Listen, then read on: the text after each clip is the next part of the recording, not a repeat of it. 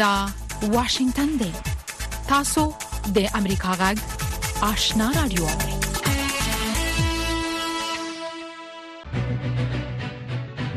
درنو اوریدونکو ستړي مشي زه نام شابه آشنا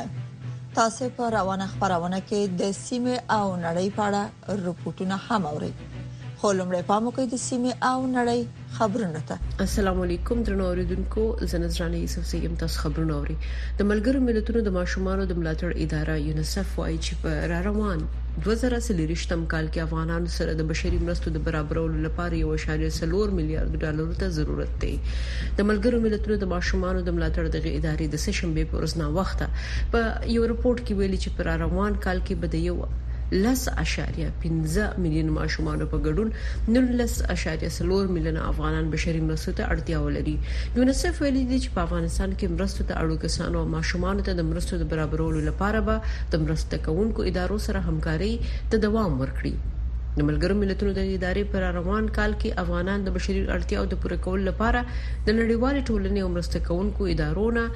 د 300 نهه څلوېښت میلیون ډالرو غوښتنه کړې وه چې تر اوسه له دغو پیسو یوازې څلور دېرش اعشاریه څلور فیصده بودجه ورته برابر شوې وه. د متحده عربي اماراتو ایر عربیه هوایي شرکت د چهارشنبې په ورځ اعلان وکړ چې کابل ته ورځني پروازونه پیلوي. دا د اماراتو دویم هوایي شرکت دی چې کابل ته پروازونه پیلوي. دغه ارزانه هوایي شرکت چې مرکز یې په شارجه کې دی، په یوه خبرپاڼه کې ویلي چې د جنورۍ له لسمې نېټې نه به کابل ته د ورځې یو مستقیم پرواز پیل کړي د دې شرکت رئیس عادل علي ویل چې کابل ته د پروازونو پیل کولې مسافرینو ته د جمنتیا نه خده ترڅو په ارزانه بیا هوایی سفر چمتو کړي او نوې مسیرونه ولټوي د پاکستان رسنیو د رپورت لمخې ناپیژند وسلوالو د سه شنبه په ورځ د پاکستان د خیبر پښتونخوا ایالت په مرکز د پیښور ښار د فقیر آباد په سیمه کې د عبیدي په نوم یو افغان نرښځی وژلی دی. د پېښور د فقیر اباد د سیمې د پولیسو مشر اسامه امین چیما رسنیو ته وویل چې په عبیدي باندې ناپېژندو موټر سایکل سپرو د سې شنبې په ورځ د پېښور د فقیر اباد پل سره نژدې ډزې وکړې چې له امله یې هغه ووژل شو او وسله وال د پېښې له ځایه وتښتېدل. د متحده ایالاتو د دفاع وزارت ویلي په سرې بحیرې کې په کښتیو کې د حوثیانو له خوا واري شوي دوولس ډرون یا بې پیلوټه الوتکې درې د کښتیو ضد توغندي او دوه د ځمکې له لارې واوردونکو توغندیو برید شنډ کړي. د امریکا د پوځ مرکزي قوماندانۍ ویلي چې په دې پېښه کې کښتیو او سیمو ته هیڅ زیان نه دی رسیدلی او نه هم څوک پکې وژل شوي یا ټپیان شوي دي. د امریکا د دې څرګندونو نه وړاندې په یمن کې دېره حوثي شیعه یاغیانو چې ایران یې تر شا ولاړ دی ادعا کړې وه چې په یوې کښتۍ یې برید کړی چې اسراییلو ته روانه وه. د دې ډلې په اعلامیه کې ویل شوي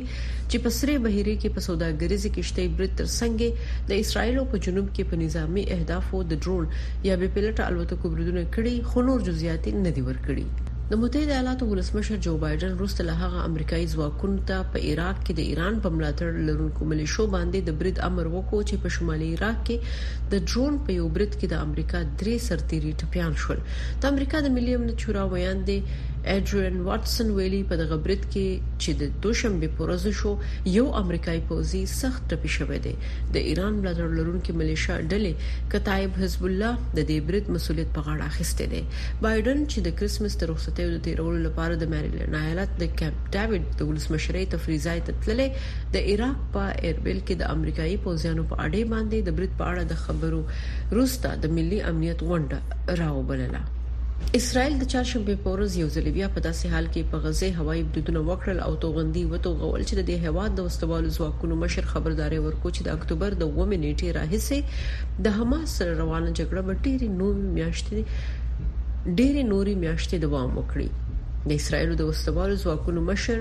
هرزي هلوي د سشنبه په ورځ ناوخته ویل د جګړې اهداف اړین دي او د ترلاسه کولې ساده نه دي له همدې امله جګړه به څو میاشتې نور هم دوام وکړي. دا په داسې حال کې ده چې چاودنو د غزې په جنوب کې د خان یونس ښار د شپې اسمان روښانه کړو چې د اسراییل د پوځ په وینا د غزې په شمال کې د عملیاتو د کنټرول د ترلاسه کولو وروسته یې تمرکز سختو ښاري جګړو ته اړولی دی او د هند په پایتخت نوي ډیلي کې چارواکو سه شنبه د دسمبر شپږیشتمه وویل چې د اسراییل سفارت مخې ته په چاودنه کې چاته مرګ ژوبله نه ده غوښتې. چارواکو ویلي چې د پیښې په هکله پلټنې کوي. د پیښې سیمې ته د خلکو تګ راتګ ته اجازه ورکړل شوې. د چاودنې څخه وروسته اسرائیل په هند او ځانګړي توګه پایتخت نوي ډیلي کې د خپلو اتباعو غوښتي چې د احتیاط نه کار واخلي. د اسرائیلو د ملي امنیت شورا یوې اعلامیې کې چې د صدراعظم بینیمن نتنیاهو د دفتر له خوا خپره شوې راغلي، چاودنه ښايي حمله وي. د اسرائیل حماس ترمنځ جګړې پیل کیدو راهیسې اسرائیل په ټوله نړۍ کې خپلو سیاسي استازولیو کې امنیتي تدابیر ډیر کړي دي. قدرمنو اوریدونکو دا و د دې وخت خبرونه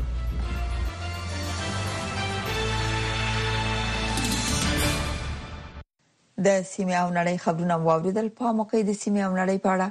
رپورټونه ده د طالبانو د حکومت تر کنټرول لاندې د افغانستان بانک رئیس وایي چې دغه بانک د یو لړ پالیسیو لمخې د بهرنیو اسعارو په وړاندې د افغاني ارزښت په خټوګه ساتل او د انفلیسیون کچه کمه کړې ده د اقتصادي چارو کارپوهان که څه هم دا مني چې په تیرو شاوخوا شپږ وو میاشتو کې افغاني خپل ارزښت ساتلی خو د افغاني په ثبات کې افغانستان ته د نړیوال ټولنې لخوا د نقدو پیسو انتقال مهم ګڼي نور تفصيل د اکرام شینواری پر پورت کې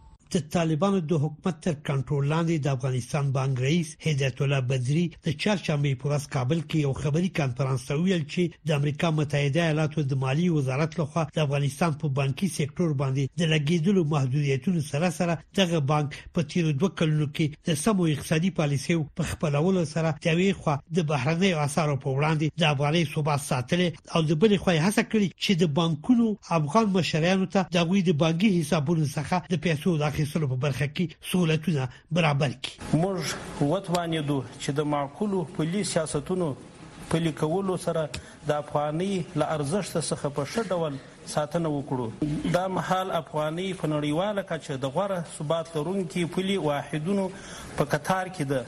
او د اسعارو په وړاندې یې ارزښت لوړ شوی دی. د افغانستان بانک چارواکو په دغه جوړ شوي خبري کانفرنس کې د یو شمېر مهمو شاخصونو په اړه د دوه زره څوارلس، څوارلس سوه یو او څوارلس سوه دوه لمریزو کلونو ارقام د رسنیو سره شریک کړل. د افغانستان بانک رئیس په افغانستان کې د انفلاسیون د کچې ټیټېدل او نو بانک نوټونو چاپول او د زړو او مندرس بانک نوټونو ټولول او لمنځه وړل هم د خپل مهمو لاسراوړنو د بیلګو په توګه یاد کړل د افغانستان بانک وتوانېدلی توانېدلی دی چې د انفلاسیون نرخ کنټرول کړي او په مطلوبه حد کې وساتي په سوداګریزو بانګونو کې د مشتریانو پر امانتونو په تدریجي ډول محدودیتونه د محدودیتونو کچه راټیټه شوې ده او په نوو حسابونو باندې محدودیتونه نشته. د افغانستان بانک چارواکو وویل چې اوس مهال خلک کولی شي په میاشت کې تر درې زرو ډالرو او یا هم تر دوه سوه پنځوس زرو افغانیو پورې خپلې پیسې له بانکونو څخه ترلاسه کړي. همداشان د دغه بانک د پولیس سیاست امیر احمد جواد سادات او دغه بانک د غیر مالی موسسو د سارنې امیر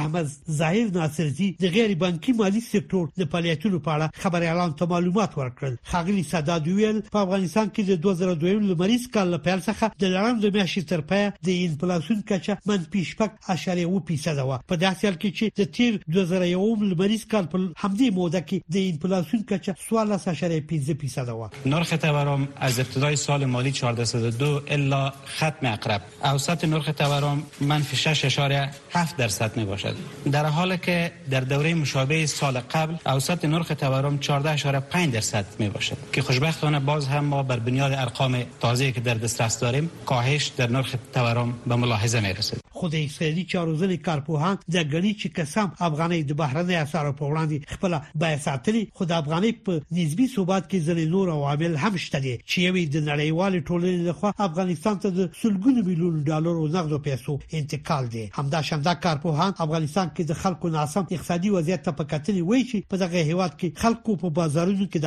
اخیستلو توان له لاسه ورکړي او د تیرو کلونو په څیر د افغانستان اقتصاد کوچنی شوی دی انتظار پای ته ورسید ترنو لیدونکو او اوریدونکو تاسو کولی شئ د امریکا غا ټلویزیونی او رادیوي خبرونه د یاشات ساتلایت له طریقو وګورئ او واورئ د نوي ساتلایت لارې تاسو د آشنا اتصال او کاروان ټلویزیونی خبرونه کتلای هم شئ د امریکا غږ د افغانستان څنګه خبرونه په 309 پټ چنل او د آشنا رادیوي خبرونه په 309 پټ چنل کې اوریدلای شئ لملتيامو د تل پشان مننه تاسو زموږ د واشنگټن د سټډیو نه اورئ د طالبانو د حکومت چارواکي وایي چې د ټولو هیوادونو سره خې اړیکې غواړي او په کار دي چې هیوادونه هم په دې برخه کې خپل مکلفیتونه تر سره کړي د طالبانو د ریاست الوزرا سیاسي مرستيال مولوی عبدالکبیر په تازه څرګندونو کې پراته لدی چې د پاکستان نوم واخلي پر نړیوالو غږ کړي چې افغان کډوال دې په جبري توګه نه باسي تفصيلي پر رپورت کې اوري د طالبانو حکومت پر افغانستان د پخواني شوروي اتحاد د ځواکونو د يرغل څلور څلويختمه کلیزه لمانځي خو د دې غونډې اکثره ویناوال د خپل حکومت پر دوام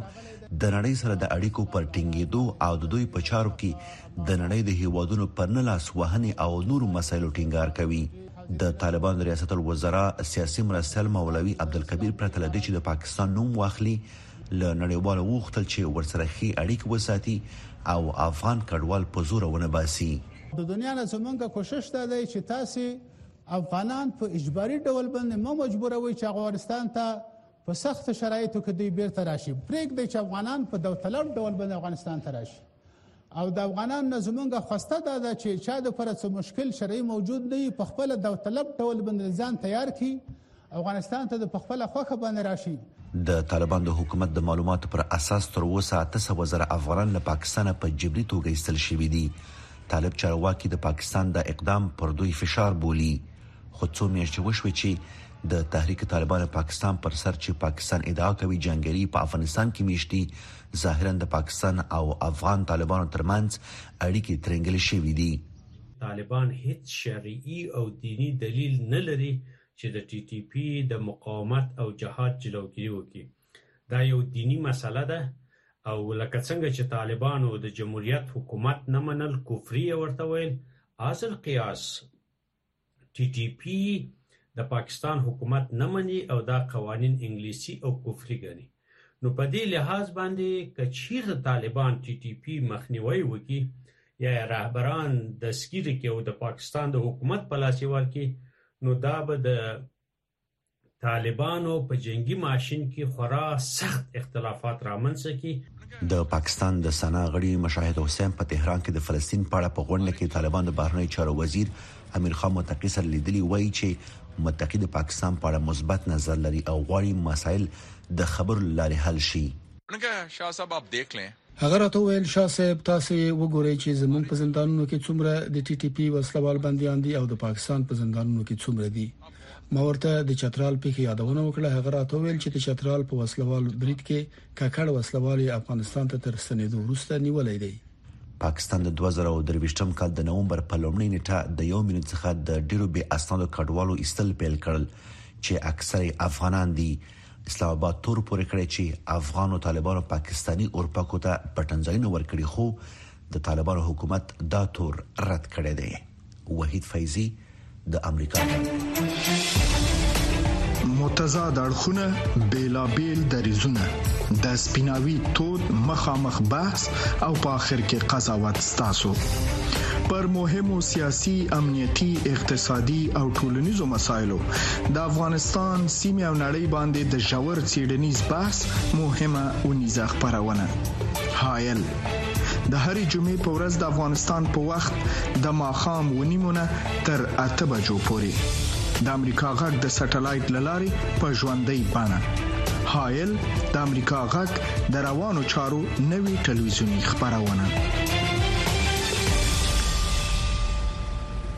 رپورټونو ته د واشنگټن د سټډیو نه ادامه ورکوم په بهر کې میشتو د افغان خبريالانو فدراسیون څمو د وړاندې د پاکستان موقت لومړي وزیر ته لیک لیږلی وو او غوښتنه یې ترې کړې و چې د ناقانونه کډوالو پر ضد عملیاتو کې د افغان خبريالان او فعالان وژغورل شي او بیرته د افغانستان ته په زور نه لیږدوي د خبريالانو فدراسیون وی تر دوو میاشتو تیریدو وروسته هم کوم جواب نه دی ترلاسه کړی او د دوی ژوند الته سخت په کړهو کې تیریږي خدای نور ناصر په دې اړه رپورت لري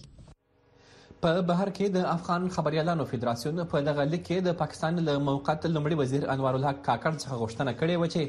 د ناقانونه کډوالو پر ضد عملیاتو کې دي د خبريالانو مدني فعالانو او هغو افغانانو پر ضد ګام وانه خستل چې په افغانستان کې یې ژوند ته خطر دی ما یک نامه سرگشاده به نخست وزیر پاکستان از طریق فدراسیون ارسال کرده بودیم و از کاکر صاحب خواسته بودیم که شما ای افغانایی که به اجباری از پاکستان اخراج میشن و یک فاجعه است و شما باید سر از یک غور کنیم که افغانایی که در مرز خطر است اونا رو اخراج نکنیم به خصوص خبرنگارا فعالین مدنی قاضیا و امثال از افغانایی که در مرز خطر بودن شما بالای از اینا یک غور بررسی کنیم که اینها را از پاکستان اخراج نکنیم د خبریالانو دغه فدراسیون وایي د پاکستان د لومړي وزیر له لوري د دوی لیک ته لا هم هیڅ ځواب نه دی ورکړل شوی او په یاد هیواد کې خبریالان او فعالان د تیر په څیر له ستونزو سره مخامخ دي فعلا خبرنگارا به وضعیت قبلی هست و اجازه کار ندارن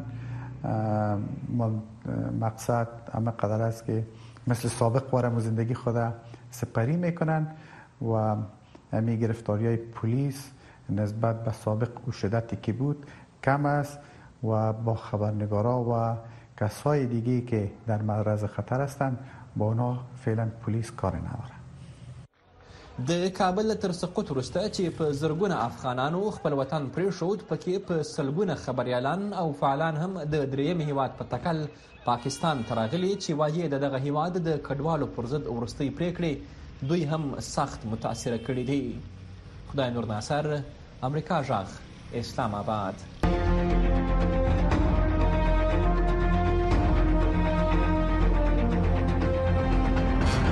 اتصال زموږ او ساسي پیوستون خبرونه چیرنی او خبرګونونه موثق معلومات او دقیق جزئیات هغه کورنۍ نړیوالې او سیمېزي مسلې چې د عامو خلکو پر ژوند غیز لري ساسي پښتنې د چارواکو ځوابونه او د پوهانو سپارښتنې لې یک شنبه تر پنځ شنبه هر مخام په شپږ بجو او دې شو دقیقو له واشنگټن څخه پر ژوندې بڼه د سټلایټ ټلویزیون او ټولنیزو شبکو لاري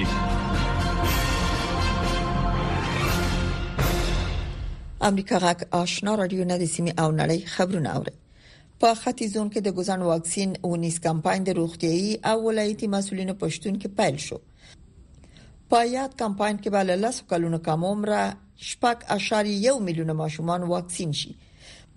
خو نورستان ولایت په دغه کمپاین کې شامل نه دی او د خلکو په عامه ذهنیت جوړونه ډیر کار شوی دی د فراه یو شمېر اوسېدونکي د یاد ولایت په لرې پرتو سیمو کې د ګوزڼ ناروغي د خپرېدو په تړاو اندېښنه لري او له چارواکو غوښتنه لري چې یادو سیمو ته ډیره پاملرنه وکړي د دوی په خبره د فراه لرې پرتو سیمو ته په تیرو دوو لسیزو کې د ګوزڼ ضد واکسین په شمول ډیری روغتیايي او ټولنیز خدمتونه نه رسیدل د فراه بلابلوک ولسوالۍ یو تن اوسیدونکي عبدالمالک امریکا ږغ ته په دې اړه داسې وویل. اصلي خبره دا ده چې د فراه بعضې سیمو ته په تېر کې سم خدمات نه رسېدل، نو د پولیو واکسین هم د فراه په خاک سفید، بکوا، ګلستان او بلابلوک ولسوالۍ کې پوره نه دی تطبیق شوی. اوس چې امنیت تامین دی او کوم خاص مشکل نشته، نو د چارواکو څخه هیله لرو چې دغه سیمو ته ډیره توجه وکړي. په ورته مهال د فراه یو تن قومي مخور غلام محمد بیا ډاډ ورکوي چې واکسین ته د هڅونې لپاره مرسته کوي او د کورنیو له مشرانو غواړي چې د خپلو ګلالیو بچیانو په وړاندې خپل مسؤلیت ادا کړي. موږ داسې مسؤلیت لرو چې دا زموږ اولادونه د دې څخه پلجیږي، د دې څخه منظوریږي، موږ غاړې ته لویږي چې قومان عزیزانو اولادونه واکسین کړي دا مسولیت موږ په غاړه او خپل اولادونه واکسین کو او د خلکو اولادونه متوجي دي کار ته کو بل پلو اړوند چارواکي هم د یاد اوسیدونکو اندیشنه پر ځای او د فرا یو شمیر لري پرتی سیمه د ګوزڼ ناروغي د خپرېدو د لوړ ګواښ سره مخامخ بولي د فراه د عامې روغتیا د کتلوي معافیت آمر ډاکټر نورالله افضلي وایي په پام کې ده چې د روان کمپاین په لړ کې تر پنځو کلونو ټیټ عمره ماشومان په ټولو سیمو کې واکسین کړي. په پنځه ویشت مه دسمبر باندې موږ ان شاء الله د دوه لاکه اووه څلوېښت زرو سل شل ماشومان به ان شاء الله موږ تر پوښښ لاندې راوړو چې دوی ته به واکسین رسوو. د فراه په مرکز او په ټولو ولسوالیو کې موږ های ریسک یا ولسوالیانې چې تر ډیر خطر سره مخامخ دي د بکوا ولسوالۍ ده د بلبلوک ولسوالۍ ده جزئی توګه هم خاک سفید هم تر خطر لاندې ده د چې موږ ته معلومیږي ان شاء الله د ټولو کورنیو موږ سره همکاري لا هم زیاته ده په دې باره کې کارپوهان په ټینګار سره وایي چې ګوزڼ ناروغي درملنه نه لري او واکسین یوازینی د مخنیوي لار ده چې له هر ډول استثنا پرته باید ټول ماشومان په پوره ډول پر وخت واکسین شي. د بدلون پر مهال کله چې د نړۍ وضعیت څرګند نه وي او کله چې اوریدل ل عیني واقعیتونو سره سمون نه خوري موږ په حقیقت پسې ګرځو کله چې موږ ته د یو موضوع یوازې یو اړخ بیانېږي نو باور بایلو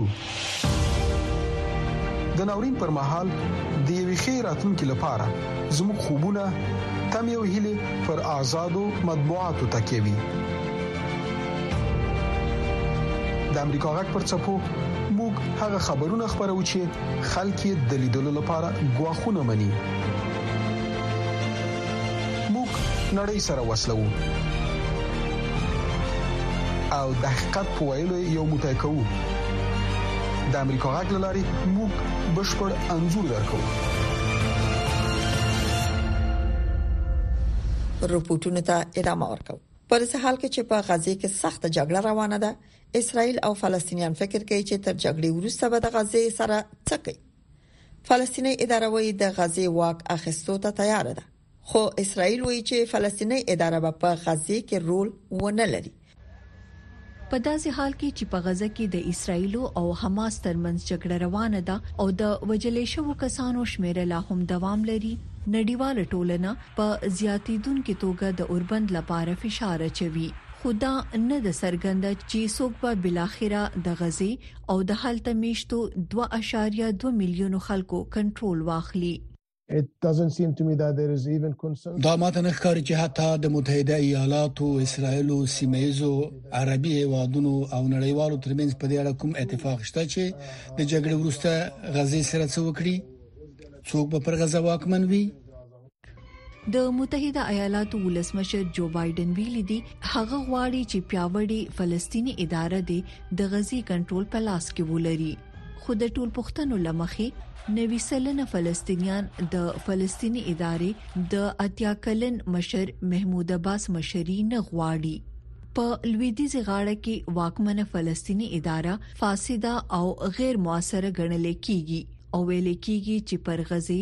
د حکومت کولو توان نه لري خو د فلسطینی ادارې ځینی چارواکي وایي چې غزي ته بیرته تللو لپاره چمتو ده شپاړس کاله پخوا د خونړۍ کودتا وروسته حماس فلسطیني اداره د غزې نه شړلې و انا بلا تردد اقول طبعا من زه وایم چې دا د فلسطین د ازادۍ د سازمان حق دی او د فلسطینی ادارې حق دی چې د غزې تړانګې ته بیرته ورشي آیا زه موزمبیق ته ځم زه خپل وطن او خلکو ته ځم او که حتی تباشوي هم دي خو زما مسؤلیت دی چې دا باید د هررخي سیاسي لید په چوکاټ کې وي او سیمه ییز او نړیوال ملاتړ ولري د فلسطیني چارو شنونکي وایي چې لتیرو پارلیماني ټاکنو ولس کال وروسته فلسطینیان باید ډیر وړ مشرتابه وټاکي چې وکړي شي دوی متحد کړي تاسو وینئ نړیواله ټولنه د یوې ادارې په لټه کې ده چې د حکومتولۍ د تخنیکی کچې لکه روغتیا او تعلیم په اړه پوهه ولري خو دا هغه اصلي هدف نه تر سره کوي او هغه دا چې فلسطینیان یو مشروع مشرتابه غواړي دوی د سره رهبری غواړي چې د دوی لپاره وکالت وکړي حتی که تاسو د ډیپلوماسي په کچه هم غواړي او دا هغه څه دي چې د جګړې نه ورسته وځي په اړه په دې بحثونو کې په بشپړه توګه ورک دي مصر په دې وروستو کې د دوه اونو اوربند سره په دریو پړاوونو کې د سولې وړاندیز ورکړی. وړاندیز کې د څلوېښت اسراییلو برمته شوو خوشې کول، بیا په فلسطین کې د تخنیکي حکومت جوړښت چې ټاکنې وکړي او بالاخره د اوربند په بدل کې د ټولو اسراییلي یرغمل شوو خوشې کول، د ټولو فلسطیني بندیانو ازادي، او په بشپړه توګه له غزې څخه د اسرایلیانو وتل شامل دي د مصر د وړاندیز حماس ژوندې ساتي چې د اسرایل لومړی وزیر بنجامین نتنیاهو په وار وار ویلي چې د منلو وړ نه دی ځینی اسرایلی شنونکي وایي چې د حماس لمنځه وړل ممکنه نه ده Hamas first of all is an idea حماس تر ټولو لومړی یو مفکوره ده او حماس به ورک نشي حتی که د حماس په زورګونو ترهګر او سیاسي مشران د جګړې په جریان کې ووژل شي دوی بل هم په غزا او البته په نور سیمو لکه لویدیځ غاړه کې لسګونه زره ملاتړي ولري نتنیاهو ټینګار کوي چې نه حماس او نه هم فلسطینی اداره د غزي پر راتلونکو واکمنۍ کې رول لوبولای شي خو هغه د سیمې د راتلونکو لپاره پلان نه دی وړاندې کړی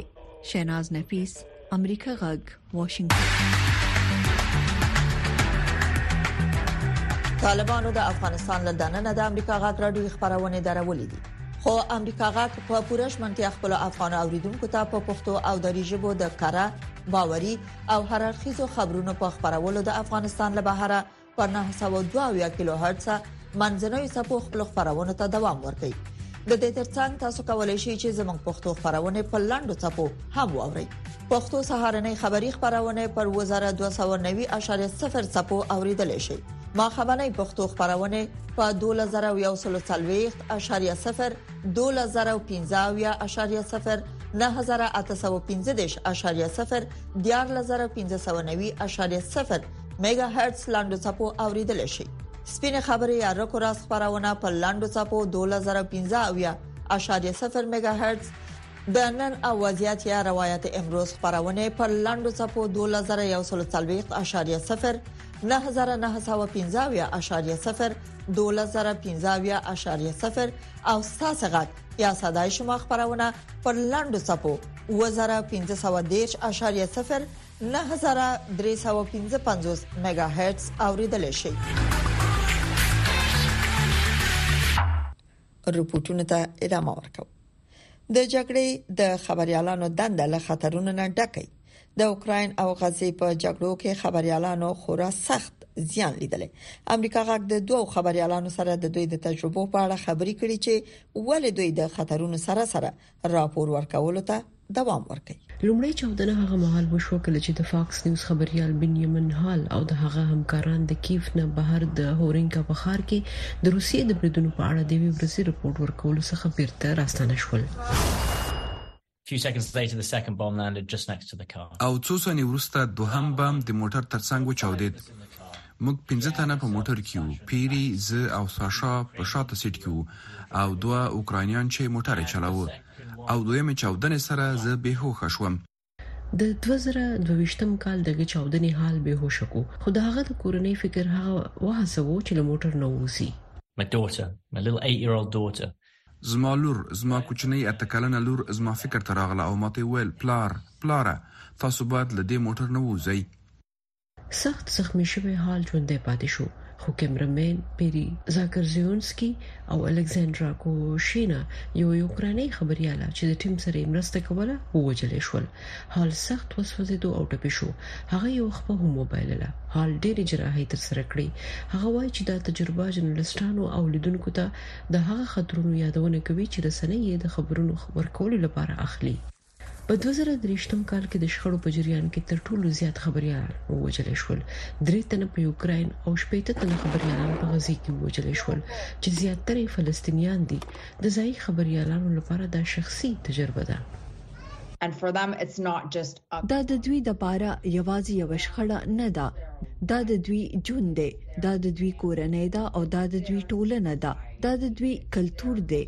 دا د دوی خارونه دي دمون چې په سوریه او عراق کې د جګړې پوښښ کړي وای خبريالان هم په قصدي ډول د نخښه کېدو د خطر سره مخ دي عراق په هغه وخت کې د خبريالانو لپاره د کار کولو لپاره خورا خطرناک ځای وو او دا خورا توپیر لري کله چې جرنالستان په قصدي توګه پنهخه کیږي د اسرائیل او حماس د جګړې لپاره د جرنلستانو د ساتنې کمیټې په څیر ډلې د خبريالانو په خوندیتوب ټینګار کوي شریف منصور وایي چې لیدونکو د خبرونو لپاره په دوی تکیه کوي په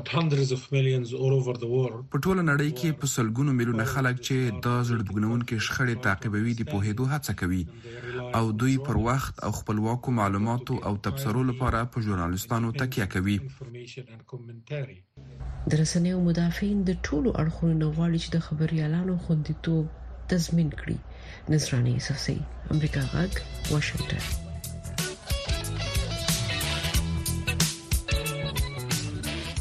درنو اوریدونکو خبرونه په همدې ځای پای ته ورسیده